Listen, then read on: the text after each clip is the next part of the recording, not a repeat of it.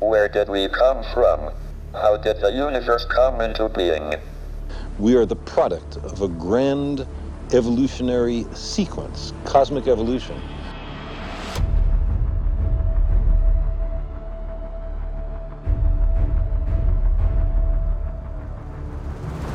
We choose to go to the moon in this decade and do the other things, not because they are easy, but because they are hard. Ignition sequence start. Six, five, four, three, two, one, zero. All engine running. Liftoff. We have a liftoff. 32 minutes past the hour. Liftoff on Apollo 11. It's one small step for man. Cleared. We got a roll program.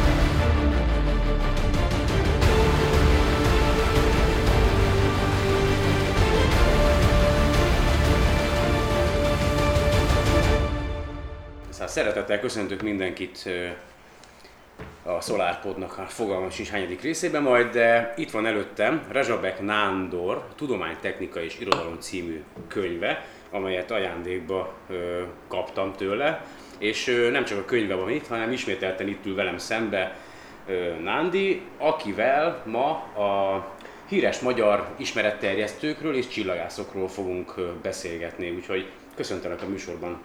Én is köszöntelek, illetve köszöntöm a hallgatókat. Ezen a témán belül is egy kicsit egy a 20. századra koncentrálunk, ami, hogy mondjam, közeli is, ugyanakkor személyes élmények is lehetnek még az idősebb hallgatókban, de mindenképp nagyon sok tanulsággal próbálunk szolgálni, és egy kicsit igen a csillagászaton belül is az ismeretterjesztést próbáljuk előtérbe helyezni, érdekes történetekkel, csak azért is ugye mind a ketten teszünk valamit az ismeretterjesztés Hát én még nem oltárán, annyit. Én- különböző én, irányokban. Én inkább azt kapom meg, hogy én elmebeteg vagyok és őrült. Tehát azért Hát én tanúsíthatom, hogy azért ez nem így van. Az a lényeg, hogy szerintem a múltkori adás is jól sikerült. Ugye örömmel jöttem, és remélem, hogy ismételten érdekes Ö, témák Kiről fogunk először elő. beszélni? Én azt javasoltam már itt a, a beszélgetés elején, hogy mindenképpen egy évfordulóhoz kapcsolódva Konkoli Tege Miklóssal kezdjük ezt a beszélgetést. Azért évforduló, mert pontosan 100 évvel ezelőtt 1916-ban halt meg. Idén egy konkoli emlékév is zajlik több rendezvényel, kiadványal, eseménnyel. Én azt javaslom, hogy vele kezdjük ezt a témát, és érdekes módon neki is lesz kapcsolata az ismeretterjesztéssel, sőt még az amatőr csillagászattal is, bármennyire is ő egy neves tudós volt, illetve a, a hazai csillagászati infrastruktúra megteremtője. Rád bízom, én nem ismertem, vagy nem, nem, hogy nem tudok Akkor mindenképp semmit. érdemes róla elmondani, hogy ő gyakorlatilag nem tanult csillagász volt, hanem hobbiként kezdte még az 1870-es években. Mostani Szlovákia területén, akkori Magyarország Ógyalán, a birtokán kezdett távcsöves megfigyeléseket, majd pedig épített egy magáncsillagvizsgálót.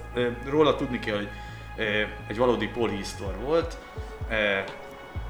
nagybirtokos, országgyűlési képviselete mellette lehetett tudni, hogy hajós kapitány és mozdonyvezetői engedélye is volt. Ezekkel is foglalkozott, zenei darabokat is, zeneműveket politikus is, is volt, mert- Politikus volt, de ennek nagyon egyszerű oka volt ugye, hogy, hogy mondjam, ahhoz a nemesi felső tízezerhez tartozott, akinek alanyi jogon is úgy tudom, hogy képviselet járt az akkori parlamentben. Emellett ott a térségben volt képviselő, egy nagyon jelentős személyiség volt, ugyanakkor, ahogy említettem, ez a sok minden jelezte, hogy egy rendkívül széles látókörű ember volt. De a csillagászaton belül is nem elégedett meg azzal, tehát, hogy először egy távcsövet vásárolt, és megfigyeléseket viszont utána egy magáncsillagvizsgálat hozott össze, utána műszereket kezdett el építeni, és egy nagyon komoly csillagászati infrastruktúra épült ki. A dolog azért is érdekes, mert ebben az időszakban nem volt magyar állami csillagvizsgáló, az elpusztult még az 1800-as évek közepén, hogy a mai Citadella helyén a, a, a Gellért hegyen volt Ott megtalálható. Igen, egy, egy gyönyörű ilyen négy kupolás ö, csillagja volt, amit a, az osztrákok 1849-ben szétlőttek. Van néhány olyan archív felvétel még a fényképezés hőskorából, ilyen 1860-70-es felvételek, ahol még látszik a, a, citad, tehát a citadella már létezett, és a Nyomai citadán még- belsején ott De miért nem építették újjá? egyszerűen nem volt pénz, és nem is volt igazán olyan... De a Citadellát meg azt mondod, a citadellát újraépítették, ennek egyszerűen katonai okai voltak, annyi, hogy ugye onnan ellenőrizték Tehát fontosabb volt a Pestet, katonai így van, szempont, meg mint... Budát, így van, így van. Tehát a csillagvizsgáló elpusztult, nem is volt abban az időszakban külön egyetemi tanszék, ami csak csillagászati lett volna, tehát egy kicsit ilyen mostoha gyermek volt. Ez gyakorlatilag 50 évig, tehát fél évszázadig tartott ez az egész folyamat. Akkor a Konkoly György? A Konkoly Tege Miklós, Miklós, ő Konkoly volt, Tege aki Miklós, de ő nemesi családból ő nemesi családból származott, akkor amatőr jómódú- csillagász jómódú volt, egy család. jómódú, Akkor meg, értem, értem. és ö, tulajdonképpen egy fordulatot következett be, hogy ö, neki volt ö, egy fia, de talán ő, a, a fia már meghalt, még lehetséges, hogy a, a századforduló előtt, minden esetre az valószínűleg látszott, hogy ő nem fogja ezt az egészet továbbvinni, és éppen ezért 1899-ben a magyar államra hagyta ezt a, a csillagvizsgálat, az, és ez a csillagvizsgálat az ógyalai, a hivatalos magyar állami csillagvizsgáló, ő pedig díjmentesen elvállalta, tehát mindenféle fizetés nélkül ő maradt az igazgató. De ő mikor született? Ő, hát ő 1916-ban halt meg, most pontosan én sem tudom, azt hiszem az 1830-as Tehát akkor a forradalom idején, akkor ő már A forradalom idején él, de ő, ne, neki nem volt Gyerek szerepe, volt, tehát aha. akkor még gyerek volt. De, hogy mondjam, ez az elkötelezettség, meg a tudomány iránti szeretet, meg, meg a, gyakorlatilag azt lehet mondani, hogy a közösség iránti odaadás, ami őt egész életében jellemezte, és utána a magyar állam elfogadta, tehát egy ilyen ajándékozási szerződéssel elfogadta, és ez lett a magyar állami csillagvizsga, ami akkor úgy alá, a mostani Hurbanovó Megvan még egyébként ez? Megvan, tehát utána volt ennek egy jelentős sztoria a Trianon utáni eseményeknél, erről is egyébként lehet, hogy érdemes egyszer külön is beszélni, de az egésznek a lényeg, hogy jelen pillanatban is ez a, köz, a központi szlovák csillagvizsgáló, Jó, ez a szlovákia területen igen, van. és Aha. innen irányítják, például Szlovákiában megmaradt a rendszerváltozás után is ez a csillagvizsgáló, meg planetárin ismeretterjesztő hálózat, és ez a központja jelenleg is. Gyönyörű épületekkel, csodaszép kupolákkal, tehát egy fantasztikus. Egyébként látogatható, nagyon gyakran itthonról ismerek, mint az évforduló kapcsán is voltak ilyen koszorúzások. Először bármikor átmehetsz. Így van. Sőt, egyébként tudni kell, hogy Konkori emellett ugye csillagvizsgálat épített, ott egy ö, ilyen geofizikai, meg meteorológiai intézetet is alapított. Sőt, ő volt Magyarországon a Meteorológiai Intézetnek az első igazgatója Budapesten. Ö, ebbe is, hogy mondjam, ilyen úgymond amatőrként indul, de utána a- akkora tudást szedett föl, és hogy mondjam, amellett, hogy nem csak pénzt adományozott, szakmailag is úgy tovább képezte De ő mi, miből élt végül is? Nem? Gyakorlatilag ő a birtokaiból. Abban abba az időszakban ö, lényegében azok a nagy birtokosok, akik a termény- a terményből, Így van, így, ter- igen, igen. abból Tehát volt nekik volt pénze. egy biztos ö, bevétele, és gyakorlatilag ezt viszont ő visszaforgatta, azt mondom, hogy, hogy Magyarország érdekében. Várj, ez még a jobbágyi idő? Hát ekkor már, ugye, hogy mondjam, a jobbágy felszabadítása Felszabad- már túl vagyunk, de ugye ezek a nagy birtokok, ezek egészen a, a második Tehát világháború végéig. az Igen, emberek, igen. és akkor ők Igen, termelték. igen, az viszont ugye az ő birtokai voltak, tehát a haszon az övé volt, Mhm. viszont, viszont hogy mondjam, ezt nem saját, nem, nem saját szórakozására. De vagy- érdekes egyébként, hogy amúgy egy viszonylag gazdag ember volt, és mégis azért élt ezen, egy, egy, az élet ezen a területen, hogy másoknak a tudást átadhassa az információt, hogy ezt nézzétek, ez, tehát hogy ez jó, tehát hogy Ez pontosan kevés így van, és voltak olyanok, akik követték, most csak példaként mondom, hogy a, a Gotthard fivérek mostani szombat, akkori herényi csillagvizsgálat, ami teljesen az ő hatással épült fel, de amit hoztam neked könyvet, a, a Strókai Kálmáról szól. El Stróka fogom is olvasni. dolgozott a Kiskartali Obszervatóriumban, ott pedig a Podmanicki báróné Tehát ez, ez a hozott ez, létre. ez kizárólag sztrókai A Kálmánról. Sztrókai Kálmánról szól, de Sztrókai is, ami ott a borítón van, az a csillagvizsgálat, ez a kiskartal is a konkoli hatására épült, ezt ugye nem konkoli finanszírozta, volt néhány olyan főúri követője, a, például Akár beszélhetünk is róla. Igen, róla is akkor lehet, hogy érdemes, akik utána egy jó példaként vették, tehát egy olyan személyiség volt, akinek jelentős kisugárzása volt. Nagyon lényeges vele kapcsolatban hogy az ismeretterjesztés, tehát az írt cikkeket ide-oda, és el kell mondani, hogy tulajdonképpen a hazai amatőr csillagászati mozgalom is részben ugye sokszor tőle eredezteti magát. Már most kiről beszélünk? A Konkoliról visszatérve, mégpedig onnan, hogy ö, nagyon nagy mértékben érdeklődött a meteorok témája iránt, és egy ilyen meteor megfigyelő hálózatot szervezett Konkoli. Ennek az volt a lényege, hogy különböző, magyar, ugye akkor még a történelmi Magyarország különböző helyén fölvette a kapcsolatot az ottani érdeklődőkkel, csillagászat iránt érdeklődő amatőröket, tanárokkal, tehát az akkori helyi értelmiség, és velük ilyen szimultán észleléseket hajtott végre, mert az volt a lényeg, hogy begyűjtötte egy-egy meteorraj kapcsán, vagy fényes meteor kapcsán az ottani észlelési adatokat, Jó, akkor és ezt meg is szervezte ezt a hálózatot. Nem volt internet. Nem Tehát, volt internet, a levél, levél. Úgyhogy ez mindig egyébként egy döbbenetes, de majd ha Konk- Konkoli után Kulinra térünk, egyszerűen hihetetlen, hogy az in- internet nélkül is micsoda szervező erőre voltak képesek, de ugye ezek csak a legnagyobbak. Hát hiszen végig küldeni mindenkinek a levelet, hogy elvenni, hiszen Pontosan több hónap, nem? Igen, igen. Tehát, hogy ma meg egy klikkel létrehozol egy eseményt, és akkor 10 percen belül mindenki tud róla. Tehát, Így van, így van. Úgyhogy ennek valóban, amit mondasz, nagyon nagy igazság, mert, mert itt nem csak az a, hogy mondjam, nem csak a szakmai dolog volt, hanem meg kellett küzdeni az akkori lassú információ áramlásra. Ugye- elhivatottság. Tehát, hogy ez Így van, így van, és erre képesek voltak, és ezért lehet mondani, hogy Konkoli Tege Miklósnak jelentős szerepe volt a hazai amatőr csillagász mozgalom megszervezésében azzal, hogy, hogy outsidereket, tehát nem ö, szakcsillagászokat vett be egy megfigyelési hálózatnak a működtetésébe.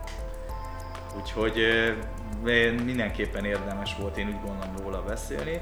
Ugye van, kicsit még, van még valami eset, érdekesség vele kapcsolatban? Tehát valami történet, vagy egy kis, ami, ami eszedbe jut, vagy mégis később is visszatérhetünk bi- rá. biztos fog eszembe jutni. Ö, Mehetünk tovább, akkor Én aztán- azt mondom, hogy kicsit gördüljünk tovább. Jó, jó. Még, még esetleg azt el lehet mondani, hogy, hogy ugye a csillagvizsgálót 1899 az államra hagyta, igazgató maradt, ö, ugye 16-ban meghalt, és akkor Tass Antal lett az igazgató, a korának jeles csillagásza volt, előtte már ott ilyen igazgató helyettesi, korábban ilyen megfigyelői státuszban van. Még el kell mondani, hogy a nagyon jelentős csillagászat, tehát Köves Ligeti Radótól kezdve nagyon sokan dolgoztak Ógyalán, még azelőtt, hogy állami lett, tehát akkor a Ógyalla? fizette Ógyalla. Az Szlovákia? Igen, igen, ez, ez gyakorlatilag Komáromtól nem messze, tehát ez Ja, a dél, dél-szlovák vidék. Tehát nagyon sok jelentős csillagász ott kezdte a pályáját, Konkoli fogadott egyetemi hallgatókat is, meg akkori gyakornokokat, tehát egyébként Strókai Kálmán is, akiről ezt a könyvet írtam és hoztam, ő is rövid ideig Ja, gyakornokként hogy nála dolgozott. Úgyhogy volt ott is, illetve volt a Kiskartali ö, obszervatóriumban is. És ö, halál után ugye Tassantal vett, tehát majd pedig ugye a trianoni döntés után Szlovákiához került a csillagda, és a gyakorlatilag mielőtt bevonultak a cseh légiósok, előtte pár nappal vagy pár órával menekítették Magyarországra a műszereket, és ezekből a műszerekből kez, épült gyakorlatilag 1921-től a mostani Svábhegyi Na most csillagvizsgálat. akkor segítek, hogy tudjál inni egy kicsit. Kérdés, hogy abban az időben mennyire volt népszerű Magyarországon a csillagászat, mint tudományák? Hogyha össze akarnád hasonlítani a mostani, mai népszerűségét az akkorival. Tehát én úgy gondolom szerintem, hogy lehet, hogy technológiailag fejletlenebbek voltunk, de sokkal jobban érdekelte az embereket a csillagászat, mint ma. Mindig, Tehát- igen, ez, ez igaz, volt egy érdeklődés. Egy példát tudok mondani.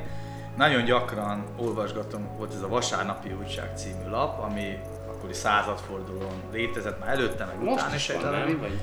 Lét, lehet, hogy ilyen néven volt is, elképzelhető, hogy létezik, de az a lényeg, hogy ez egy rendkívül népszerű ilyen, ö, folyamat volt, és rendkívül sok csillagászati cikk szerepel benne. Ez ilyen, valódi egy ilyen népszerű folyamat, most mit tudom én, a női magazinban, amik a nők lapját tudom mondani, ami egy, egy színvonalas valami, vagy pedig egy olyan olyan heti lap, amiben minden típusú cikk volt, és gyakorlatilag folyamatosan közöltek csillagászati cikkeket, ennek nyilván egyetlen oka volt, hogy ők megvették a lapot, azok el is olvasták, tehát akkor is ugye ez üzleti alapon működött, tehát biztos, hogy, hogy mivel volt, és, és ö, volt egy, egy jelentős ö, érdeklődés. Ö, azt mondom, hogy a tudományszervezés szempontból nagy probléma volt, hogy nem volt sokáig önálló tanszéke az akkori, ugye a Pázmány Péter tudományegyetem, mai, mai eltén, ilyen összevont tanszékek működtek, Ma- kozmográfiai néven, mindenféle Ma extra. van külön csillagászati Van, tanszék? van, ugye Szege- Budapesten is, meg Szegeden is képeznek csillagászokat, tehát most van, van ennek, meg utána később lett. Nem volt igazán, szakmailag nem volt tökéletesen a helye, de az érdeklődés meg volt az emberek. Jó, de azért a csillagászat elég tág, tehát vannak asztrofizikusok, asztrobiológusok, a asztro ez, asztro az, tehát hogyha valaki... Akkor kicsit szűkebb volt Tehát, a hogy- paletta, ö, akkor de csillagászokat képeztek, Abban de minden, nagyon kis- minden benne volt? Abban minden benne Fizika, volt. kémia... Igen, tehát, igen, Hogy, benne volt minden, azzal, hogy azért jóval kevesebb, ö, hogy mondjam, létszám volt, de ez, is inkább utána, hogy mondjam, annyit föl tudott szívni, a, a lényeg el kell mondani, hogy egy 21-től kezdték építeni a Svábhegyi csillag, de hát valahogy azt hiszem, hogy 1923-tól működött, és utána megvolt, hogy néhány alkalmazott, tehát annyit képeztek, amennyire szükség akkoriban megérte csillagásznak lenni? Tehát a fizetésből Ö, ma, én ma sokan azért nem. Hát mert igen, nem, akkor se pénz. volt, tehát amennyire tudom, ezek ugye sokan ilyen díjtalan gyakornokként is dolgoztak, emellett azért nem voltak olyan jelentős fizetések, de viszont az akkori helyzetben, akár mondjuk a 30-as évek, ugye a gazdasági válság, ami itt is jellemző volt, tehát valakinek ott volt egy, egy szerény jövedelme és egy megélhetése, plusz ugye ott laktak, tehát a Svábhegyen is fönt laktak a csillagászok, azzal hogy mondjam, így fönn tudták magukat tartani, sok, egy biztosabb állás volt, mint esetleg munkanélkülinek lenni. Tehát nem volt a- akkor Állam, sem jó. az államtól kapták? Az állam, igen, tehát itt voltak bizonyos ugye, álláshelyek, és ehhez járt ez a szolgálati lakás, stb. Ezzel így nagyjából fönn tudták Nagyjából megvoltak, aha. tartani. Meg nyilvánvaló, hogy aki ezt a szakmát választotta, volt egy olyan elkötelezettség, hogy tűzön vizen, akár, akár a mai amatőröket is vehetjük, hogy nyilván van, aki jól el van eresztve anyagilag, biztos vagyok benne, de vannak, akik lehet, hogy a műszereikben az utolsó pénzüket Igen, most, ö, most legutóbb volt egy pár hete, hogy ellopták az egyik amatőr csillagásznak a, a komplet felszerelését, amit, amit ő gyakorlatilag saját maga barkácsolt össze, és, és most ugye gyűjtést rendeztek neki, vagy szerveztek neki a Magyar Amatőr Csillagászok Facebook oldalán. Én is utaltam egyébként, nem, nem sokat, de hogy, hogy milyen már nem, hogy ki az a, tehát most, most csúnyát, ki az az elmebeteg állat, aki, aki feltöri a garást, és aztán ellop egy komplet csillagász felszerelést, fényképezőgépestől, mindenestől, tehát hogy és, mi, mi, és áll- állítólag még mindig nem került el. Így van, és lehet, hogy el sem hogy- tudja adni, mert látni, hogy nyilván aki ezt elviszi, valószínűleg fogalma sincs az egész. Lehet, hogy a? Azt fényképezőgépet el tudja adni, de a másikon nem fog Nem, tudni mit azt kezdeni. mondta, azt írta a srác, hogy a fényképező is módosítva volt, tehát hogy az sem nem egy, tud vele mit az sem egy kezdeni. egyszerű fényképezőgép, hanem a távcsőhöz lett ugye össze barkácsolva, tehát hogy azt csak azzal együtt tudja használni. Így van. És az is lehet, hogy kiviszi egy piacra, átfesti, de kutyának nekem ott nem vesznek ilyet. Tehát Tehát lényeg, eladja hogy tízezerért mi, a Igen. ma, majdnem milliós értékű holmit, de ö, Kulin Györgyre esetleg rátérhetünk Térjünk- a Magyar. Amatőr, ő, ő, hivatalosan ő a Magyar Amatőr Csillagászati Egyesület, vagy a Magyar Csillagászati Egyesület az alapítója. és sok mindenben szintén alapítója egyfelől a hazai amatőr csillagász mozgalomnak, ténylegesen, aki azt mondom, hogy szervezetileg kiépített, ugye Konkolin említettem ezt a hálózatot, de az annak nem volt egy önálló egyesületi Jó, de akkor ő, ő volt a megteremtője? Azt lehet mondani, hogy Kulin, Kulinnal lehet összekapcsolni. Uh-huh. Van egy nagyon konkrét dátum és időpont is, mégpedig nagyon érdekes, 1944. És akkor ő tovább gondolta, és azt mondta, hogy legyen egy egyesület. Igen, igen, Tehát, hogy igen, és kicsit függetlenül is, sőt azt kell mondjam, ott igazán el is telt szinte egy fél évszázad megint. Ugye Concord ezt mondjuk a századfordulón szervezte, és Kulin lényegében ugye a 30-as évektől Ja, kezdett. akkor 30 év szünet volt? igen, tehát maga az amatőr csillagász mozgalom szervezésében igen, léteztek folyóiratok, tehát a 30-as, 20-as, 30-as években volt egy egyesület, az, az el kell mondani, ez a Stella nevű csillagászati egyesület, ennek az egyik elnök például az a pont Tassantal volt, akit említettem, hogy ő egy szakember volt, ő vette át ö, Konkolitól az igazgatói posztot, és Vodecki József a korszak másik jeles csillagásza.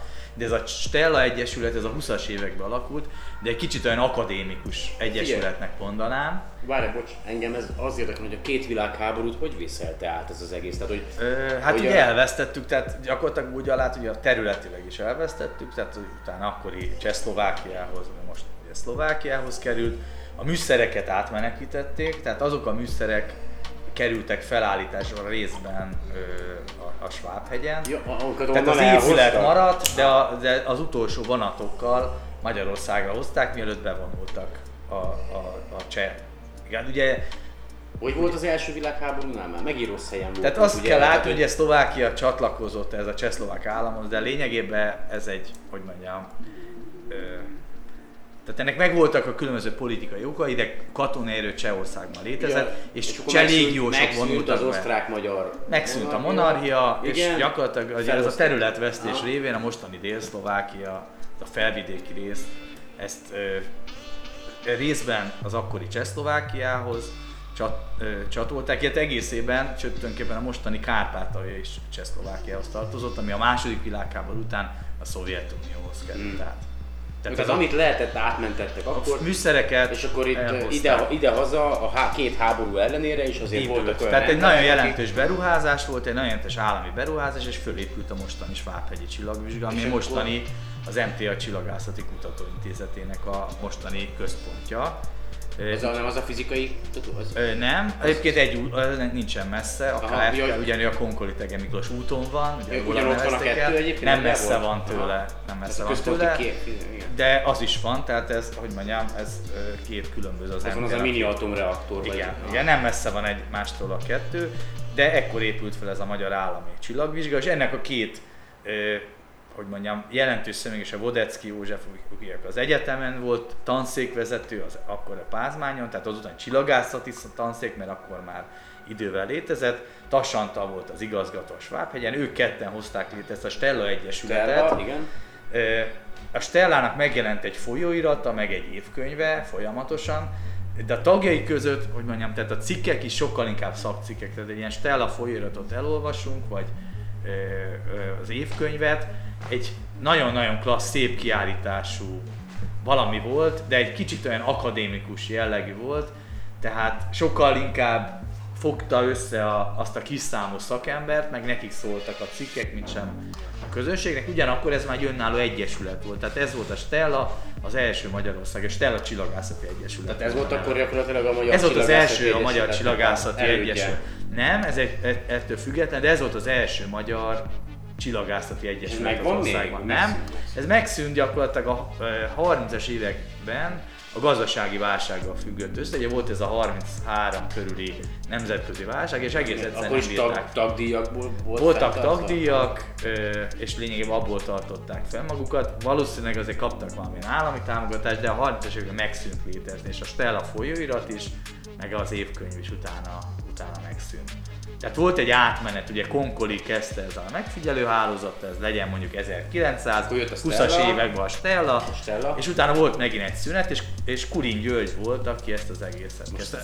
Stella vagy Stella? Stella, Stella, Stella. Stella Tehát, hogy magyaros volt. magyarosan használták. Kulin azt kellett, hogy 1905-ben ö, született. Az első nagy élménye a csillagászat kapcsán, hogy a Haley Üstökös üstökösnek látta? a, a visszatérése volt. És igen. akkor ez a 86 ez 1910-ben volt. És aztán 86-ban jött vissza. igen, és ugye láttam mind a kettőt. Tehát, Mind a kettőt? Elmesélte, hogy gyerekként, tehát volt egy ilyen történet, hogy miért lett csillagász, ez volt az alap, 5 éves gyerek volt, 5-ben született, 10-ben jött a Haley, és uh, akkor volt egy ilyen újsághír, ami utána mindenhol terjedt, hogy ugye a Föld áthalad a Haley csóváján. És mi van a csóvában? Meteoritok, nem tudom, Meteoritok, emellett pedig különböző Meteor- mérges gázok, mérges tehát kén, stb. És, és egy ilyen pánik hangulat tört ki, hogy, hogy a Föld át fog haladni ezen a... Tehát nem és akkor mindenki, és a a Kulinról lehet tudni, amikor, hogy mondjam, volt ez a, úgymond ez a számított érték, hogy mikor lép be, elbújt az ágy alá, mert annyira megijedt,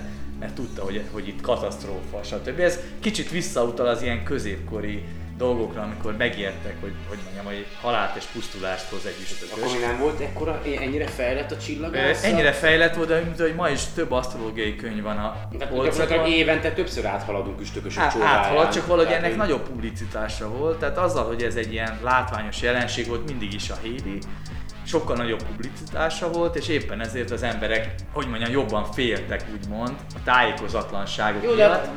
Ma, ma is meg lehet hűíteni az embereket. Hát Az emlékezz vissza, amikor volt. volt, vagy hát de figyelj, de volt ez a Jakutek meg a Hale-Bob, amikor volt ez a japán őrült, aki miatt valami 80-an öngyilkosak jöttek Japánba, mert várták, hogy majd le fog szállni a nem tudom micsoda a Mi az, idegenek. az üstökös? Igen, igen, mert volt egy ilyen japán szektavezető, és Ez az olyan, mint a 96 szientológia? Abszolút, tehát leszáll majd a a, Zorg, a, a ki valaki, és akkor elviszi őket, de előbb öngyilkosnak kell lenni. De ez hülyé. Már Ez olyan biztos volt olyan, aki előbb vonat alá ugrott, hogy ne kell öngyilkosnak lenni. Ez ez- Bocsánat, ugye.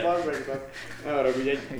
De azért mondom, hogy hülyék mindig voltak és Azt nem lesznek. értem, egyébként én még mai napig azt nem értem, hogy az elmúlt 50-60 évben, amióta ugye a, gyakorlatilag írdatlan, tehát iszonyatos mértékű technológiai fejlettségen vagyunk túl, vagy és, és folyamatosan zajlik, tehát ez a naponta olyan hírek jelennek meg, hogy így kapkodom a fejemet, tehát egy normális műsort össze szeretnék állítani, ezekből akkor minden nap non-stop 24 órába kéne beszélnem, mert mindig van valami új, és annyi mindent megtudtunk már a körülöttünk lévő világról, hogy én még azt nem értem, hogy egyáltalán a vallásoknak miért van még ekkora szerepe, de most ne térjünk el a témától, tehát visszatérünk Kurin Györgyre, csak azt mondom, hogy baromi sok mindent megtudtunk már a körülöttünk lévő világegyetemről, és még mindig, ha már a öngyilkosságról beszéltünk, még mindig vannak olyan emberek, akik, akik azt gondolják, hogy a Föld lapos, hogy 6000, tehát hogy még mindig. Tehát, hogy e- e- ezt nem hiszem el, tehát, hogy ennyire nem áramlik az információ. Van, eh, hogy mondjam, ezzel vallás és vallás között is tennék különbséget.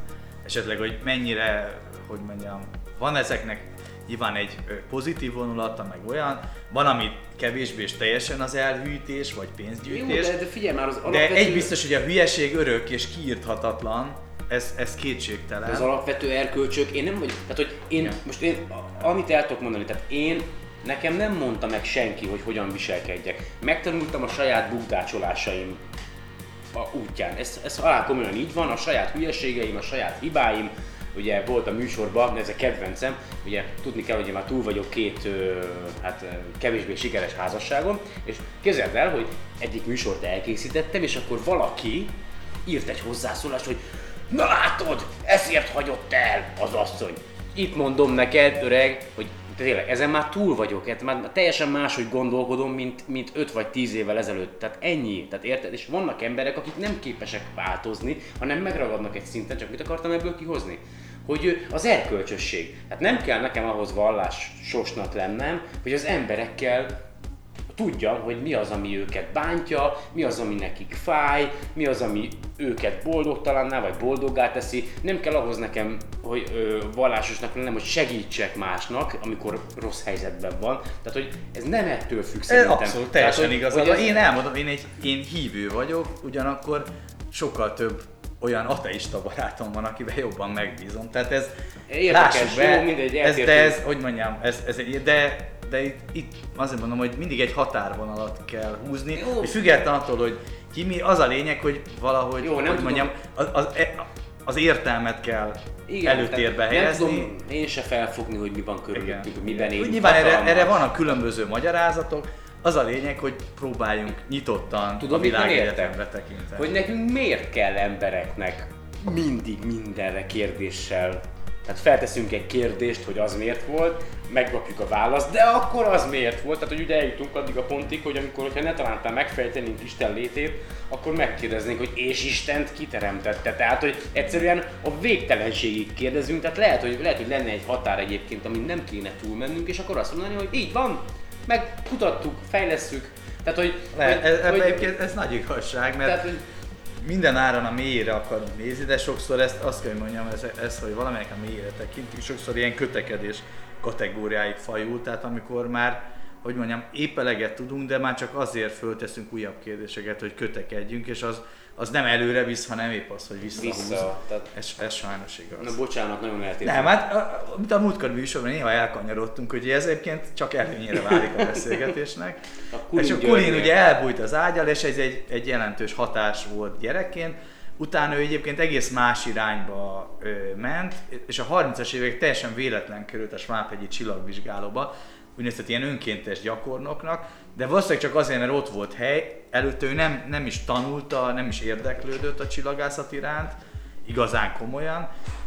Viszont utána a 30-as években onnan indult a pálya, és az egyik legjelentősebb magyar kutató lett, és a kutatás mellett, ahogy ugye említettem, a, ennek az ismeretterjesztő meg szervező oldalához is jelentős mértékben ö, hozzájárul. Elnézést, csak a ventilátort bekapcsoltam. Az, az meleg van.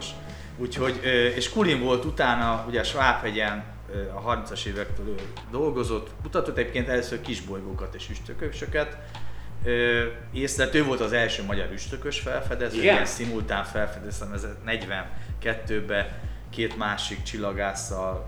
Itt, itt horror közösen, vagy igen, tehát úgy, hogy Vagy különböző helyeken figyelték Ő meg? és egy olasz csillagász fedezte fel, utána kiderült, hogy volt még egy harmadik megfigyelő, úgyhogy három nevét Ja, de akkor még ugye persze nem volt internet, tehát Nem volt, megállapították ki az első, de ugye nyilván itt figyelembe vették azt, hogy hogy mondjam, hogy körül, tehát lehet, hogy az egyik köz 10 perccel előbb érkezett, mint a másik, de nyilvánvaló, hogy egymástól Ezt be kellett független. küldeni egy központba? Be kellett, volt egy ilyen, kö- mint ahogy most is megvan ennek a rendszer, hogy valahol el kell küldeni, és, meg, és megállapítják az elsőséget, hogyha mondjuk ez nem perceken múlik, de, azt, de meg lehet mondani, hogy tényleg valóban ő nem, nem tudhatott róla, és az megvan ennek a, a, a menete, hogy azt hiszem, hogy az üstökösöknél, hogy három nevet, az első háromnak viselheti a nevét, tehát hogyha Ah. lenne egy negyedik, ötödik, hatodik, az is esetleg szerepel, de a nevében nincs benne, és így van egy kulin üstökösünk, ebben nagyon sok kis bolygót felfedezett Kulin György, ezek közül tőnek üstökös ő az- adhatott nevet is. De hol van a Kulin üstökös most? A Kulin üstökös, hát ennek utána kéne nézni, hogy merre jár.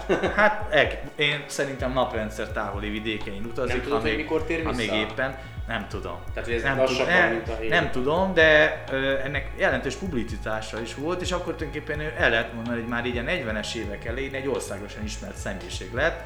Ugye ilyen különböző népszerű folyóiratok is írtak róla, hogy magyar az első üstökös felfedező, és ez is vezetett oda, hogy utána ő, ő lényegében látta azt, hogy milyen hatása van ennek, hogy, hogy mondjam, hogy így eljut egy ilyen információ, hogy ő fölfedez egy üstököst, de nem kell elbújni az ágy alá, mert nem, a mérges gáz nem mérgez, meg stb.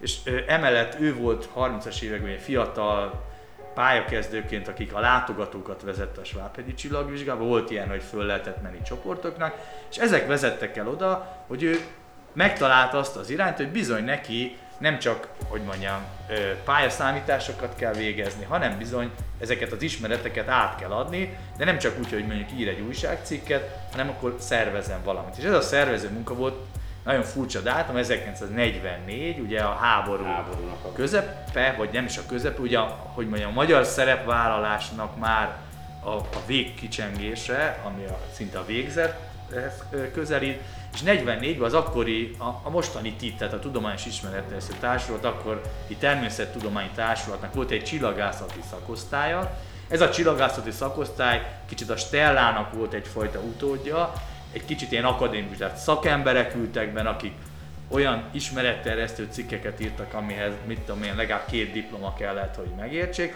és Kurin ebbe a csillagászati szakosztályon belül szervezett egy műkedvelő csillagászati alosztályt.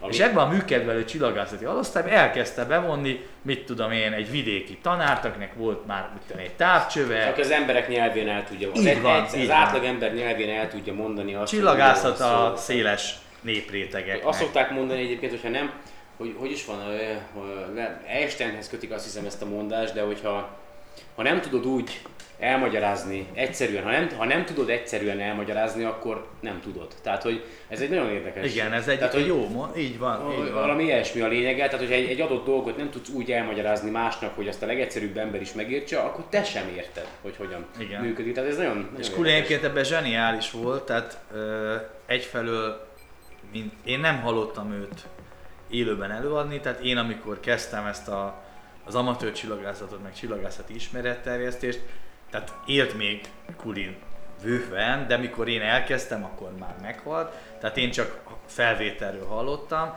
ugyanakkor a cikkei számomra döbbenetes. Tehát az legelső könyvemet, amikor írtam 2003-ban, 2005-ben jelent meg, ő volt erre jelentős hatásra egy cikk, amit elolvastam, és ez olyan mértékben meghatározott. Annyira direkt, és, és amit te mondtál, hogy meg tudod fogalmazni valamit egyszerűen, de mellett, emellett ilyen lelkesítő módon. Tehát azt elolvastam azt a cikket, és utána én amatőr csillagász akartam Akartál? lenni.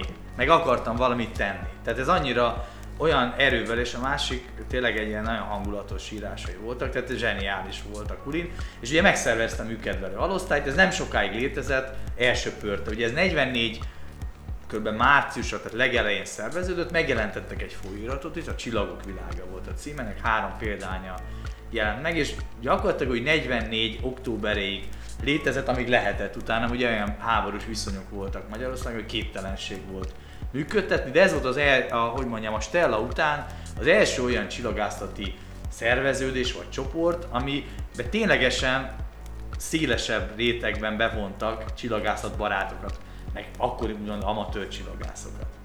Elmondom neked, hogy az óra szerint, hogyha leszámolom a kitérőket, akkor 33 percet beszélünk, és még nem beszéltük végig két embert. Tehát azt mondtam neked, hogy, hogy ez a témakör, amit kértek, hogy dolgozzunk fel, ugye az egyik hallgató, a Varga Varany, vagy, vagy nem, Barna Varany, vagy én nem tudom. eh, Ezúton üdvözlöm. Varany, És igen. jó tehát, ötlet volt, Hogy jó ötlet volt tényleg, de hogy, hogy ez egy műsorban nem fog beleférni. Akkor én azt mondom, folytassuk. Tehát gondolom, hogy két, két sorozat lesz. Tehát, hogy, igen. tehát azt mondom, hogy most nem folytassuk, de még mindig Kulin Györgynél tartunk. Igen. Hát tehát, hogy figyelj, akkor azt mondom, hogy ebből akár lehet, ö, amiről beszéltünk, én javasoltam néhány Két ember. személyiséget, akikre legközelebb visszatérhetünk. Akár úgy is most nem mondom, hogy állandóan, hogy ez legyen a téma, de akár De mit tudom én, figyelj, két, nézd. két adásonként, ha ugye, most rá leszek hozzá, nem vagyok tudós, ugye nem vagyok teljesen mindegy. Én se tudtam ezekről, vagy tudok ezekről, amiről most te beszélsz. Az, hogy te, tehát még csak el se jutott hozzám az információ azelőtt, hogy találkoztam volna veled, hogy te írtál egy könyvet. Tehát, hogy szerintem a magyarok ide, idehaza, vagy a külföldön élők, tehát, hogy nagyon sokan ezeket nem tudják. És, és ez egy jó dolgok, mert, mert, ö, mert azt mondja, hogy Jé, voltak ilyen emberek, hát akkor én is csinálom. Tehát, hogy vagy annak ellenére, hogy háború volt, világháború, és még ennek ellenére is csinálták. Most meg fa- béke fa- van, Fanatikusak most voltak. meg béke van, és gyakorlatilag e- egymás torkának esünk. Figyelj, elmondok Tehát, még egy, hogy mondjam, ugye azt mondom, akkor szerintem lehet, hogy ma érdemes csak Kulint vesézni, meg nem sok történet jó. van, meg érdekesség, de hogy mennyire elkötelezett, most mondok egy példát. Ugye Kulin amellett ugye megszervezte ezt, ö, ö, ezt, a, ezt a csoportot, utána a háború után 46-ban létrehozta a Magyar Csillagászati Egyesületet, ugye a mai MCE jogelődje, ezt 46-ban szervezte, egy rendkívül okos módon, tehát egyfelől bevont szakembereket, tehát az akkori szakcsillagászokat, kapcsolatot teremtett az akkori csillagászati szakmával, tehát hogy mondjam, volt egy együttműködési megállapodás a Sárpegyi csillagvizsgálóval. Emellett ugye ő hozta létre az Uránia csillagvizsgálót, Az a, a Gellért hegyen. a van. Gellért hegyen igen. 47-ben, ami ugye évtizedekig a központja, ma is működik a, a TIT-nek a kezelésében, de igazi amatőr csillagászat élet ott nincs, azon Mi most az a a Polarisban van, a Tudományos Ismeretterjesztő Társulat. Az is, az nem akkor nem a Magyar Csillagászat Egyesület Nem, tehát a, a, a, a planetáriumot és a, az urániát a TIT tartja TIT, fenn, és ugye a Magyar Csillagászati Egyesület meg a Polariszt.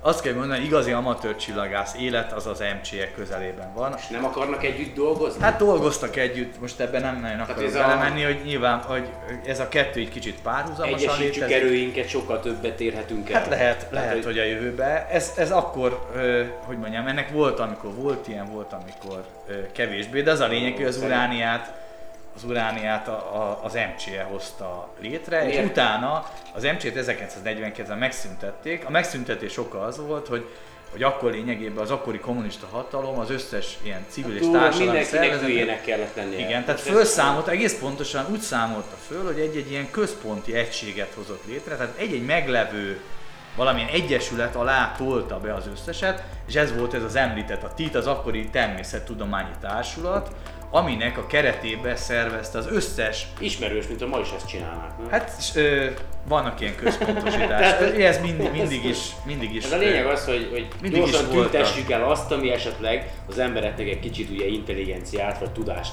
biztosít. Tehát, hogy én ezt nem is értem. Tehát, hogy ezeket támogatni kéne. Tehát vannak olyan Hogy országok, mondjam, ennek ahol, is ahol nagyon érdekes dolog, mert ugye, tehát ennek ugye mindig ki, az éremnek mindenki a költségvetésből pénzt kéne neki adni. Igen, tehát ekkor lényegében ugye ezt megszüntették, ugye akkor voltak előnyös oldal és a negatívum mellett, hogy utána viszont ezzel az egységes szervezettel utána kezdett képülni, hogy volt már egy Budapest Uránia, és az 50-es évek egyébként nem túl kellemes légkörében viszont kiépítettek egy vidéki Uránia ö, egy hálózatot. külön Tehát nagyon sok vidéki helyen, ugye most is működnek még uránia csillagvizsgálók, mondok el például Szolnokon is, stb. Ugye ezek megtartották ezeket a neveket, de akkor viszont volt emögött egy állami támogatás, ült is ott valaki, akit finanszíroztak, és, és ö, amatőr csillagász csoportok, meg ismeretezett csoportok Kérdés, hogy amikor állami tulajdonba került, az mennyire, Igen. hát, ha összehasonlítani akarod, biztos tudod, mennyire volt aktív akkor, mikor állami kézben volt, és mennyire volt aktív, hatékony a társadalom számára, mikor nem államosított. Nagyon érdekes, mert ugye amikor a Magyar Csillagászati Egyesület indult 46 és 49-ig létezett,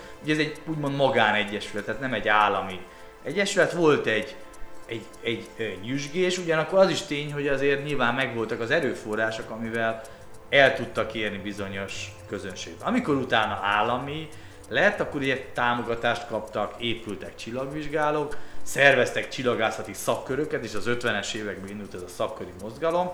Azzal viszont, hogy ugye hogy mondjam, akkor ugye minden állam, tehát hogy mondjam, Minden, nem igen, voltak igen, magán, ugye ezeket megszüntették, viszont azzal, hogy emellett erőforrásokat biztosítottak, ezért jóval sz- szélesebb közönséget is el tudtak Tehát akkor jobb érni. lett, jobb Tehát lett. azt kell mondanom, hogy úgy kell mondanom, hogy volt előnye is, meg hátránya, is mind a kettőnek. Ami esetleg úgy tűnt, hogy, hogy hátránya lesz, az sok esetben az előnye De volt. miért államosították egyébként Hát, ezeket? hogy mondjam, mindent államosítottak. Tehát ez csak, a, hogy mondjam, része volt annak, hogy minden magántulajdon megszüntettek, és éppen ezért a, a magánegyesületeket, stb. Azt lehet mondani, hogy gyakorlatilag szétzilálták a társadalmi szövetet, ugyanakkor tény az is, hogy építettek helyett egy, egy másikat is, ami működött, nem működött, amit utána a rendszerváltozásnál ugye megint Megmaradtak ugyanazok a vezetők az államiban, mint a vagy? Voltak, akik megmaradtak, lényegében olyanokat kerestek, akik valamilyen, azt kell mondani, azért politikai szempontból megbízhatóak voltak. Így lett a, ugye a Magyar Csillagászati Egyesület alelnöke, Róka Gedeon, a, a, csillagá, a, a Tudományos Ismeretterjesztő Társulat csillagászati szakosztálynak ő lett a mindenható És ő titkára. milyen végzettségű volt? Ő amatőr csillagász volt, a Kul- Kulint már a 40-es évek elejétől ismerte, és jelentős szerepe volt már ebben a 44-es ö, csillagászati alosztályban, majd pedig utána a Csillagászati Egyesület ö, alelnöke Jó, volt. lényeg az, ő hogy lehet mondani, hogy akkori pártnak a megbízottja Érdekelte volt. azért a csillagászat, De de, érdekelte. jól alkalmazkodott az Így akkori van, helyzethez. abszolút Tehát, így hogy van, sőt azt kell mondani, hogy ő gyakorlatilag egy kemény vonalas kommunista, politikus is volt, hogy így mondjam. Ugyanakkor ugye mi, ahogy mindig el kell mondani, hogy volt egy éremnek egy másik oldala, hogy Kulint félreállították 49-ben, és csak 54-ben térhetett vissza a, az uránia élére, viszont 49 és 54 között Róka Gedeon nevéhez fűződik az, hogy, hogy ugye ez a vidéki urániáknak a hálózata kiépült, Kiépült. és a csillagászati szakkori mozgalomnak is ugye a csírái megteremtődtek, ugye megjelentek utána ezek a csillagászati évkönyvek, tehát Róka is nagyon-nagyon sokat tett, és érdekes módon utána ők jó barátok is lettek. Annak ellenére Kulin egy vallásos, tehát ő egy református ö, családból származott, amikor 49-ben félreállították, ugye mindig kellett, valakit félreállítanak, mindig kell valami indok. Ami vagy igaz, vagy nem. Ha nem, akkor rá, van rajta, csak nincs. igen, nincs és ráfogták hogy sokszor ilyen idealistát, tehát ilyen vallásos meggyőződéseinek is. És egyébként valóban így a cikkeiből ez kiderül. Róka Gedeon egy, már akkor mondjuk egy meggyőződéses ilyen ateista, kommunista ember volt, aha. de a végén viszont annak ellenére jó barátok lettek, és számomra ez mindig egy, egy mintát jelent. Tehát most én, hogy mondjam, ez egy kicsit olyan személyes dolog lesz. De, én- nem, mondd. de, de el kell, hogy mondjam, nekem nagyon sok típusú barátom van.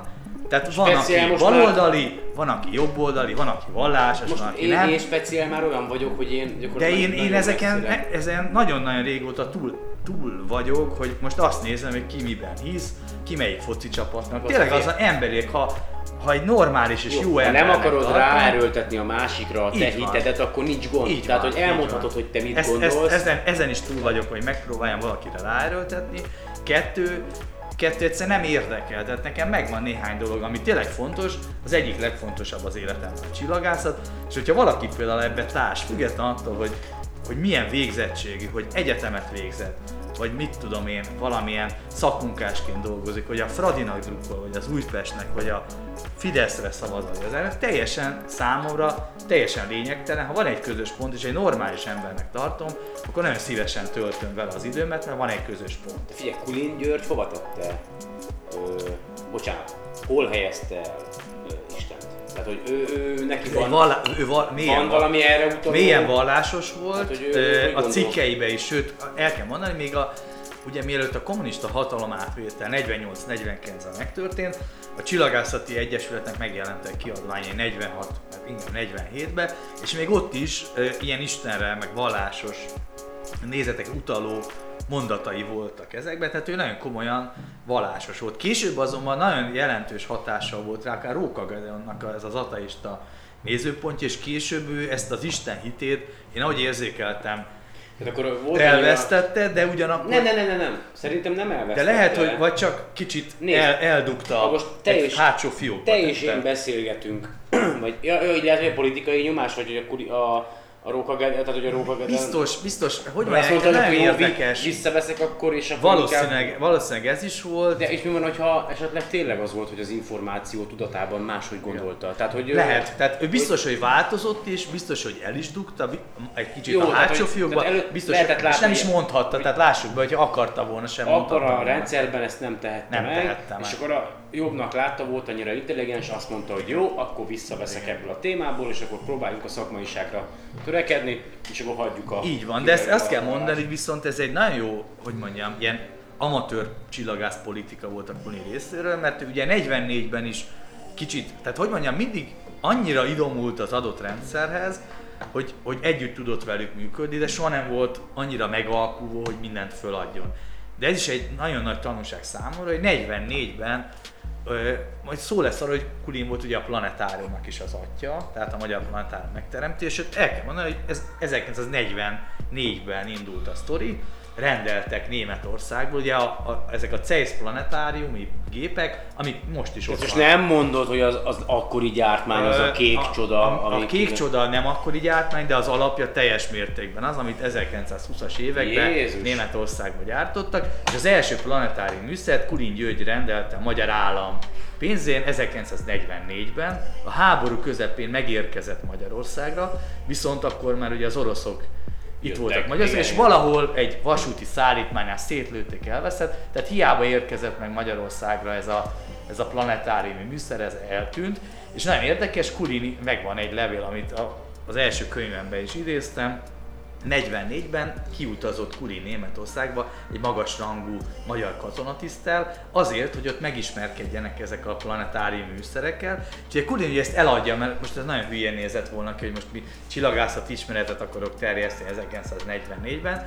Ö, Az egészet úgy szervezte meg, hogy ugye ennek voltak katonai vonatkozása, ugye a planetáriumnál kivetítik a csillagos égbolt, Jobban meg tudjuk figyelni az ellenséget? nem, a repülő, tehát a, a, hogy mondjam, a, a repülőről ugye a tájékozatás alapja, esetleg a csillagos égbolt lehet, és azért kimentek, hogy betanítsanak egy, egy katonatisztet arra, hogy ö, hogy működik egy ilyen csillagászati műszer. A Kulinnek ugye a hátsó szándéka volt, hogy ezt csillagászati. Meg- megkapja. és kimentek Németország, az akkori hadügyminisztérium pénzén, kiutaztak, megrendelték a műszert, ez meg is érkezett ezzel- 44-ben, és elveszett 44-45 fordulón, valahol nyilván szétlőtték valami téli éjszakán vidéken. De figyelj már, én voltam a planetáriumban úgy 5 éve, vagy 6.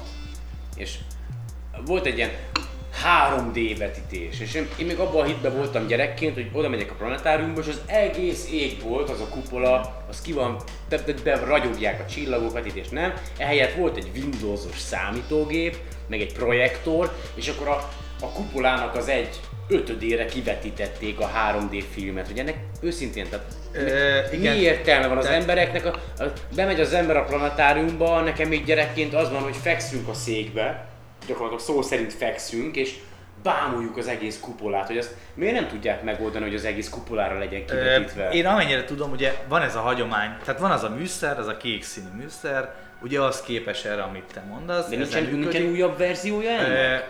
Van, ez ami 3D-s az valóban, amennyire tudom, tehát így nem akarok ebbe. kivetítős, az Az, az egy részét tudja, és én úgy tudom, hogy idén talán indul az az átépítés, amivel elképzelhető, hogy, hogy lesz egy olyan digitális műszer, ami sokkal korszerűbb. Hát most én, én, bocsáss meg, a neten ugye szoktam kalózkodni, és azért egy-két planetáriumi ö, programot, nem programot, hát tehát olyanokat láttam, amelyeket külföldi, nemzetközi planetáriumok használnak. Tehát, hogy ö, szoftver, utazás, stb. És akkor nem, ez nem csak egy, az nem, amit kompletten a kupolára, tehát külön ahhoz gyártanak most már modern, sokkal hogy korszerűbb mi a baj, a, van. a planetárium, tehát nincs, Figyelj, nincs, pénz, korszerű- nincs pénz rá? Vagy Ö, mit Én kell, úgy tudom, tehát, hogy idén indul a felújítás, és ezt nem tudom, hogy de valószínűleg a műszert is. Én úgy tudom, hogy idővel lecserélik. Kevés tag van, akik fizetnek, és nincs Ö, rá Figyelj, keret. ez egy állami beruházás, meg pályázat. Úgy tudom, hogy nyertek, és, és úgy tudom, hogy ősszel indulhat Meg lesz? a felújítás. Tehát Szerintem meg lesz. belül meg lesz? Szerintem meg lesz, és Ezért- valószínűleg le is cserélik a műszert, hozzáteszem ezt a kék műszert, ezt, ezt múzeumi darabnak Múzeum, ki kell igen, állítani, ki kell. vagy valahol föl kell állítani Valamilyen valamilyen valami a körcsarnokba fölrakják Igen, valahol. igen, mert ugye ez egy klasszikus, tehát ennek már csillagászat történeti jelentősége van. És azt kell tudni, hogy Kulin ezt 44-be hozatott, az elpusztult, és utána a következő 1940 vagy bocsánat, a 60-as években rendelték, Mhm. az meg is érkezett, és ládákban állt sok évig, de volt egy kisebb műszer, ami a 60-as években nem máshol, a Vidám Parkban működött. Meg Tehát a, Vidám, a rakéta. igen, tehát úgy kell valóban, tehát volt valamelyik épület, és ott több ismert csillag, tehát Mátis András barátomat említem, Bartalajost, akik ezeket akkor ö, működtették, tehát ez ugyanolyan látványosság volt, ment valaki, mit tudom én, a Dodge-emmel utána meg huhogott a barlangi vasúta, és utána megnézett egy planetárium előadást, de ez egy kisebb műszer volt, ez került később a Pécsi Hol, planetáriumba. hol használták a Vidám Parkban? A Vidám Park volt egy külön épület, ahol Mi, mi a barlangmozi? vagy valamelyik, melyik? valamelyik. Nem, nem, nem, nem, emlékszem rá. Tehát gyerek, Figyelj, ez azért nem emlékszel rá, mert ez, ez körülbelül 80-as mit tudom, évek. 1970-ig Ja, létezett ja, nagyon durván. ja, ja. A 60-as években ez a kis műszer, de akkor már itt volt Magyarországon és átládákban ez a mostani kék műszer, Igen. amit utána uh, Kulin kezdeményezésére, ez az volt a terv, a Kulinnak az volt a terv, hogy a, oda, amit említettél te is, ugye a Gellért hegyen van fönn az uránia, hogy oda építenék vele szembe a Gellért hegy oldalába. Oda akarták a oda akartak egy planetáriumot? és Kulin ezen nagyon meg is sértődött, egy olyan döntés volt, hogy a Népligetbe került. Egyébként hozzáteszem, hogy lehet, hogy sokkal jobb lett volna a Gellért hegy, olyan szempontból, hogy egy? A, Igen, sokkal, igen, igen, ez a igen, legjobb szó. igen. Ez a frekventáltabb. Népligetben sajnos el van dugva, lehet, hogy jobban tudsz parkolni, meg nem tudom micsoda, de valóban egy frekventáltabb lett volna. Ha olyan helyen lenne, ahol sok szem látja, sok külföldi, hamarabb felújították Abszolút, volna abszolút így van, és ugye egy ilyen komplex, ismeretes egység lehetett volna az urániával. De mégis egy olyan döntés született, nem tudom mi volt az ok, hogy a Valaki- Népligetbe Valakinek kellett a telek. Igen. Na jó, Viszont ez mindegy. egybeesett, hogy Kulint 1900, ö, tehát 75-ben nyugdíjazták, ö, 70 éves volt, de még ere, ereje teljében volt. Egyébként már úgy tudom, hogy ugye előtte 10 évvel ő ugye elérte, hogy akkor 60 év volt, akkor gond nélkül meghosszabbították, de 70-ben elküldték nyugdíjba, és Ponori Török Aurél volt jeles, ugyancsak ismeretterjesztő, nagyon kedves jó barátom, a fél évszázad ellenére jó barátom volt Aurél bácsi, és nagyon-nagyon nagy tisztelője voltam sokaknak, és ő lett, ő egyébként már az első Magyar Csillagászati Egyesületnek 46-49 között szintén alelnöke volt Róka Gedeon mellett, és ő már ott volt 44-ben is, és ő szakcsillagász is volt, és ő lett a planetárium igazgatója 75-ben, ami 77-ben épült fel. Tehát 75-től ugye már volt egy igazgató, mert akkor indult az építkezés. Ponori olyan szakembereket De várj, már, már eltértünk Igen. akkor, mármint, hogy túl, vagyunk. igen, kanyarodjunk egy kicsit vissza. Hogy a kér- kérdésem az, hogy 50, 51 percnél járunk, tehát hogy a, van még Kulin Györgyről Akkor kanyarodjunk vissza tehát maradjunk Kulinra. Még, még Kulinnál Maradjunk és Kulinra, akkor- akkor térjünk vissza, ugye 49-ben megszüntették a Magyar Csillagászati Egyesületet, Kulint félreállították. Ez azt jelentette, nagyon nagy szerencséje volt, hogy fizikai atrocitást nem ért, ugye abban a rendszerben azért tudni kell, Igen. hogy sokakat kivégeztek, megöltek, vagy esetleg fizikailag bántalmaztak, de ez, ennek mindig megvolt, hogy mondjam, a szintjei megvoltak, hogyha kellően ismert volt, akkor, Akkor jobban leszám, vagy, vagy igen, vagy jobban leszámoltak, és volt egy adott szint, ahol esetleg, hogy mondjam, ráfogtak valami, de azért megúszta. Kulin megúszta, mégpedig úgy, hogy egyszer annyi volt, hogy el kellett hagyni a Budapestet, és azt jelentette, hogy Újpestre került. Ennek az volt az oka, hogy ugye új, tehát a Nagy Budapestet 1950-ben hozták létre, Akkor Újpest egy Újpest független város volt, és Igen. 49 legvégén Újpestre került a mostani, vagy akkor is talán Könyves Kálmán gimnáziumnak hívták, és ugye Könyves Kálmán gimnázium tetején azóta is van egy csillagvizsgáló, mert oda került 49-be, és elérte, hogy csináltak, Csináltak egy egy. Úgyhogy hihetetlen figura volt, és Az működik még? működik, sőt, hát volt ez a 100 éves Kulin évforduló 2005 körül, számomra is megtisztelő volt, hogy én is volt egy emlékünnepség a Hát meg voltál planetáriumban, hívva, tehát, és én előadó Igen, voltam igen. a planetáriumban ezen az emlékünnepségen, és ott a könyvem is kicsit ahhoz kapcsolódva jelentette meg a Csillagászati Egyesület, tehát ez nekem ez egy nagy élmény, meg máig megtisztelő. És az a lényeg, hogy a, abban az időszakban volt, hogy, hogy föl is újították ezt a könyves Kálmán gimnáziumbeli csillagdát, és például most volt ugye nemrég volt ez a Merkur átvonulás, és az egyik helyszín volt, tehát magyarul oda lehetett menni, föl lehetett menni, tehát amellett, hogy ez egy iskolai csillagvizsgálat, minden előnyével hátrányával, hogy ezekben mindig nehéz bejutni, mert mit én, hazamennek a gyerekek, akkor a portát bezárja, és akkor igen. iszonyatosan morcos, hogy akkor valaki békén, így van, így van.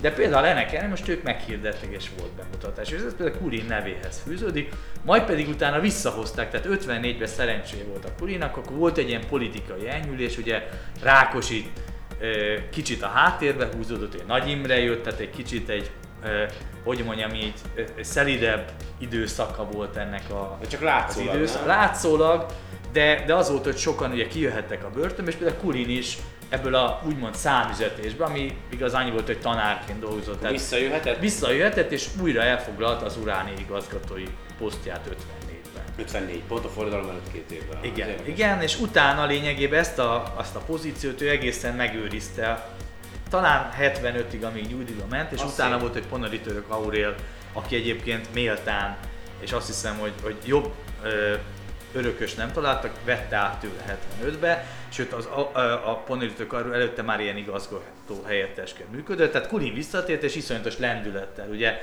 mert neki nagyon sok ötlete volt, elképzelés, és utána ö, Róka Kedeonnal is ugye együtt tudott működni, és ez utána indult meg. Csillagászati Egyesület. Igen, mikor? tehát ő volt a, ugye a- akkor a TIT-nek az a csillagászati szakosztályvezetője, Kulin volt a, ő lett újra az Urániának a vezető, és együttes erővel lényegében azt kell mondani, hogy, hogy iszonyatos sebességre kapcsoltak, tovább bővült ez a vidéki urá- urániák hálózata, a 60-as években, 50-es években kezdődött, de a 60-as években fejlődött ki ez a szakköri mozgalom, és létrehoztak egy nagyon lényeges szervezetet, a TITEN belül, a Tudományos Ismertető Társadalom, 1963-64-ben, igazán 64-ben ö, létrejött ez a csillagászat baráti köre, a CBK nevű Ez volt az elődje a Csillagászati Egyesületnek? igen, tehát hogy mondjam, a kettő között volt az az ős csillagászati egyesület, volt ami 89 a kettő közti átment, ez a CBK mondhatta el magáról, hogy ez minden idők legnagyobb taglétszám a magyar csillagászati szervezete volt.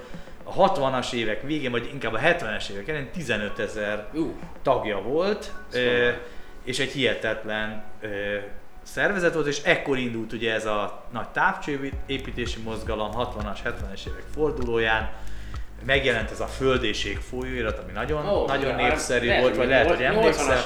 Létezett, sőt egészen a 91-ig ö, létezett. Aha. Ez a Földéség a TIT lapja volt, de a CBK-nak is lapja volt. Fele földtudomány volt, fele csillagászat volt. És ebbe ugye a csillagászat azt jelentette, hogy mindig közöltek fotókat. Tehát egy amatőr csillagász voltál, beküldheted, ilyen távcsövet van.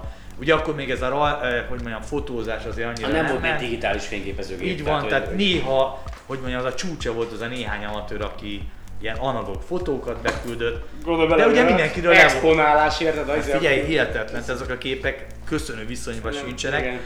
de akkori viszonyok között ez egy király Ja. volt, aki mit tudom én, mondjuk De ott ült, Saturnus.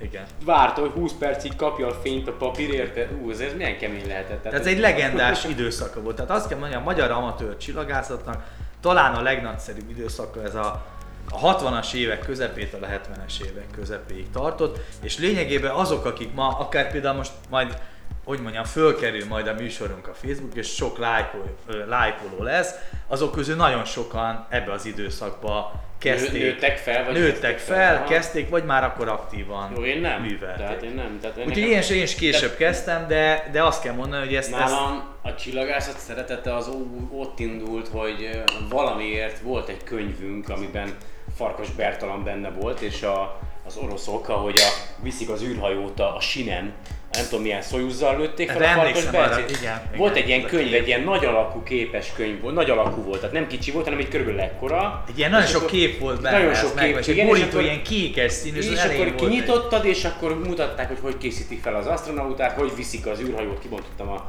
az italodat a, a, egészen a kilövőállomásig, és akkor hogyan megy fel. És nekem ott kezdődött ez, és pont akkoriban volt a Haley üstökös, jött vissza, és akkor ugyan még fingom nem volt, nővérem mondta, hogy itt a Haley üstökös lehet látni.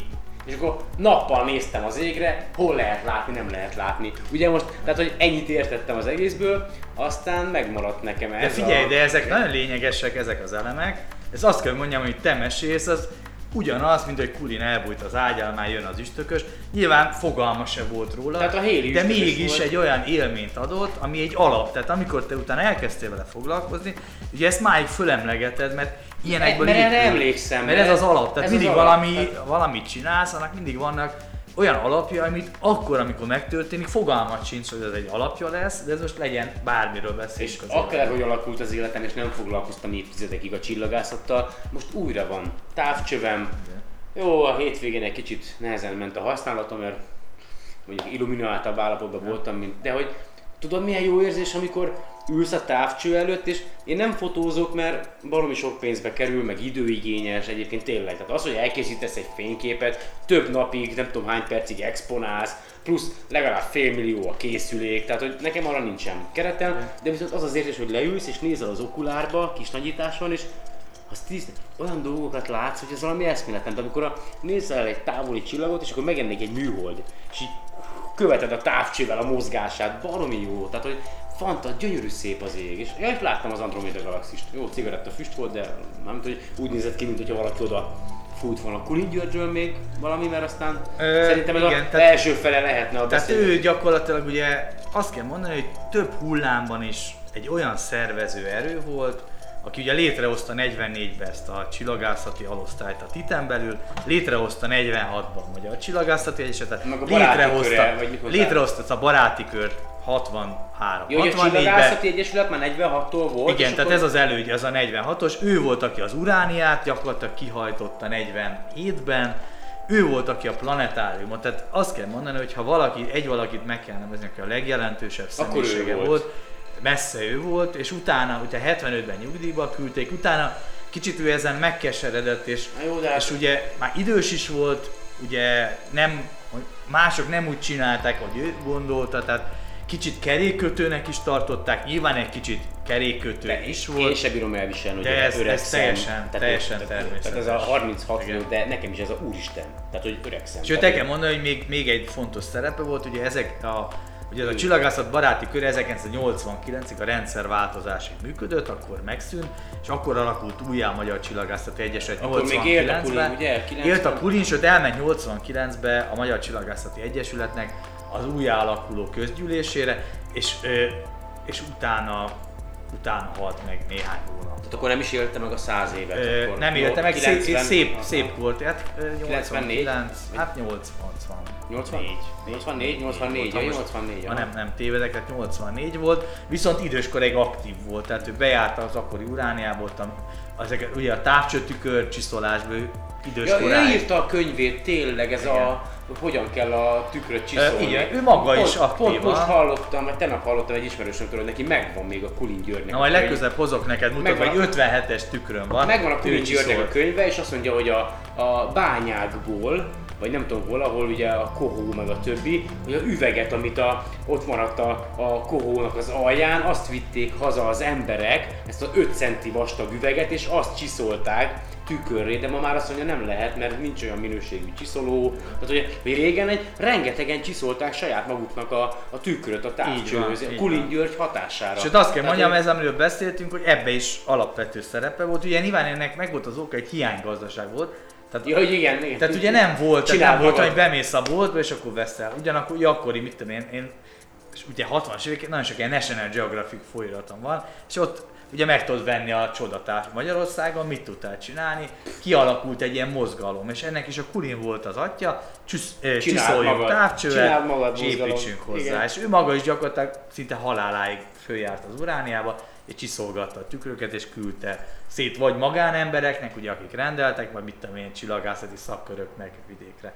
Úgyhogy ebből is egy, egy meghatározó szerepe volt, viszont ezzel eljuttatott iszonyú mennyiségű távcsövet az akkori amatőröknek. Tehát, hogy ez nem történik meg, Akkor nem lehet- akkor nincs távcső. Tehát ezek a kulin tükrökkel, meg utána ugye átadta ezt a tudást, amit te is mondasz, ugye erről írt könyvet. Utána ugye ezt megtanulták tőle, átvették, stb. stb. Egyébként ajánlom figyelmetbe, azt nem tudom, hogy tudod-e, hogy volt egy ilyen film, az a cím, hogy Hobbim a csillagos ég. Nem. Ez 1969-ben készült, fönt van egy két részes film, YouTube-on? a magyar televízió készített, Ja, ezt mindenki keressen rá. 69-ben csináltak a Magyar Amatőr Csillagász mozgalomról egy filmet, egyszerűen hihetetlen. 69? 69-es film, nem tudom hányszor, hogy leadta a magyar televízió, nem tudom hányszor ismételték, fönt van a Youtube-on, ezt most mondom, hogy Jó, nézzétek megnézem, meg. megnézem. Tehát valami döbbenetes, bemutat. Mindegy, Ah, belink, tudom, hogy a műsorban belinkelem majd, linkelbe, megkeresem, és akkor belinkelem az a lényeg az egésznek, azzal kezdődik a kulin távcsőtükről, csiszol, stb. és utána fölkeresi Magyarországon a legjelentősebb bemutató csillagvizsgákat, meg amatőröket, meg ismeretterjesztőket. És bemutatja az egész mozgalmat, hogy hogy néz ki, egyszerűen döbbenetes. Tehát, hogy mondjam, ezt megnézed, sírni fogsz. Tehát olyan döbbenetes élmény, hogy mennyire szerették ezt A magát, akkor, igen. és ezt azt kell mondjam, aki ma megnéz, és én hasonló, mint mi ketten vagyunk, meg nagyon sokan, Annak azoknak megértik ezt az egészet, de ugyanakkor egy történelem is, mert ugye ez egy csillagászat történet, a Magyar Amatőr Csillagászati Mozgalom története, de döbbenetes élmény, ezt nézzétek meg, tehát azért mondom, hogy hogy ez, ez egy fantasztikus, és föltűnnek nagyon sok ismerős, túl vagyunk az egy órán. Akkor azt mondom, hogy folytassuk legközelebb a többiekkel. El tudod azt képzelni, hogy gyakorlatilag két emberről beszéltünk? Nem, hogy jó, igen. Jó, 10 percet vonjunk. figyelj, legalább meg fogsz hívni legközelebb is. Ja, miről beszélsz? Tehát Annyi bármikor- előnye van. Bármikor jöhetsz, hogyha ráérek. Hát Jó, akkor én, majd én most őszinte leszek hozzád, én örülök neki, hogy egyáltalán van olyan ember, aki nem hülyének gondol engem azért, amit csinálok, és eljön és beszélgetünk. De azért a mai tá- magyar társadalomban többen mondják azt, hogy húzzak a jó büdös francba, mint, mint azt, hogy köszi. Tehát, hogy, hogy, tehát, hogy az eszükbe sem jut, hogy ez nekem idő, pénz, minden. Azt hiszik, hogy csak úgy terem, és nem tudok meg semmi újat. Nem, nem kötelezi senki arra, hogy hallgassa meg.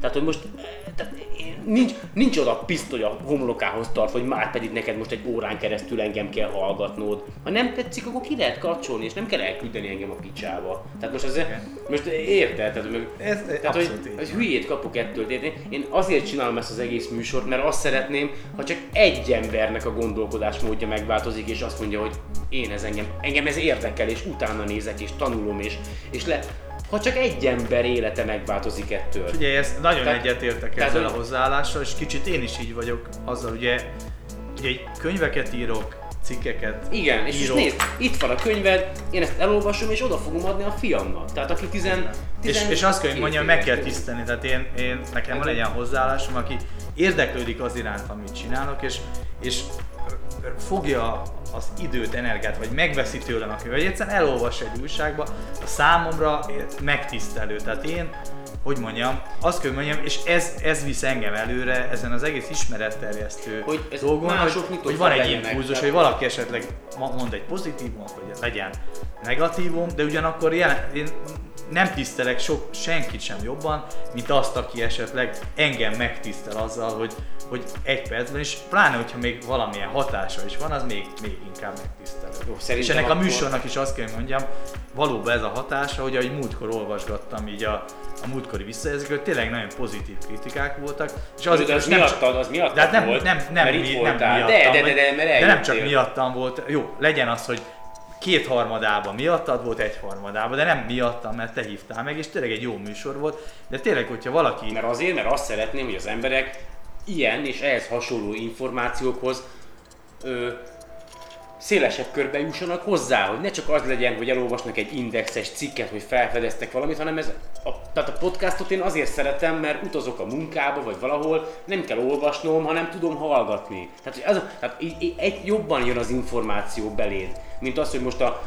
még a munkahelyen is tudsz úgy dolgozni, hogy a fülhallgató a fejeden, úgy viszont nem tudsz a számítógép előtt ülni, hogy a könyvet olvasod. Tehát most, most érted, mit mondok? Tehát, hogy ez a cél a podcast tehát, hogy, hogy, hogy, hogy, hogy máshogy is eljusson az információ, aztán ki tudja. Na mindegy, zárjuk le itt akkor a köszönöm a beszélgetést, és azt mondom, Folytassuk, folytassuk még ezt, jó? Tehát, hogy ezt köszi, akkor itt most befejezem a felvételt. És eddig tartott Rezsabek Nándorral a híres magyar csillagászokról és ismeretterjesztőkről szóló beszélgetésem első része, mert lesz folytatása, pontosan még nem tudjuk, hogy mikor, de néhány héten belül biztosan. Nagyon szépen köszönöm, hogy ma is meghallgattátok a műsort, a műsor elérhetőségei a solarpod2016 gmail.com, Facebookon megtaláltok facebook.com per solarpod, ugye a Soundcloudon, hát ott hallgatjátok, ott érhető el a műsor, illetve RSS feedre is feliratkozhattok, a műsort meghallgathatjátok még a solarpod.radio.net oldalon, illetve a Stitcheren is fönt van. Ha a mobilon a Flipboard alkalmazást használjátok, akkor ott is bármikor elérhetitek. További kellemes estét, jövő hetet kívánok mindenkinek, köszönöm még egyszer, hogy meghallgatatok, sziasztok!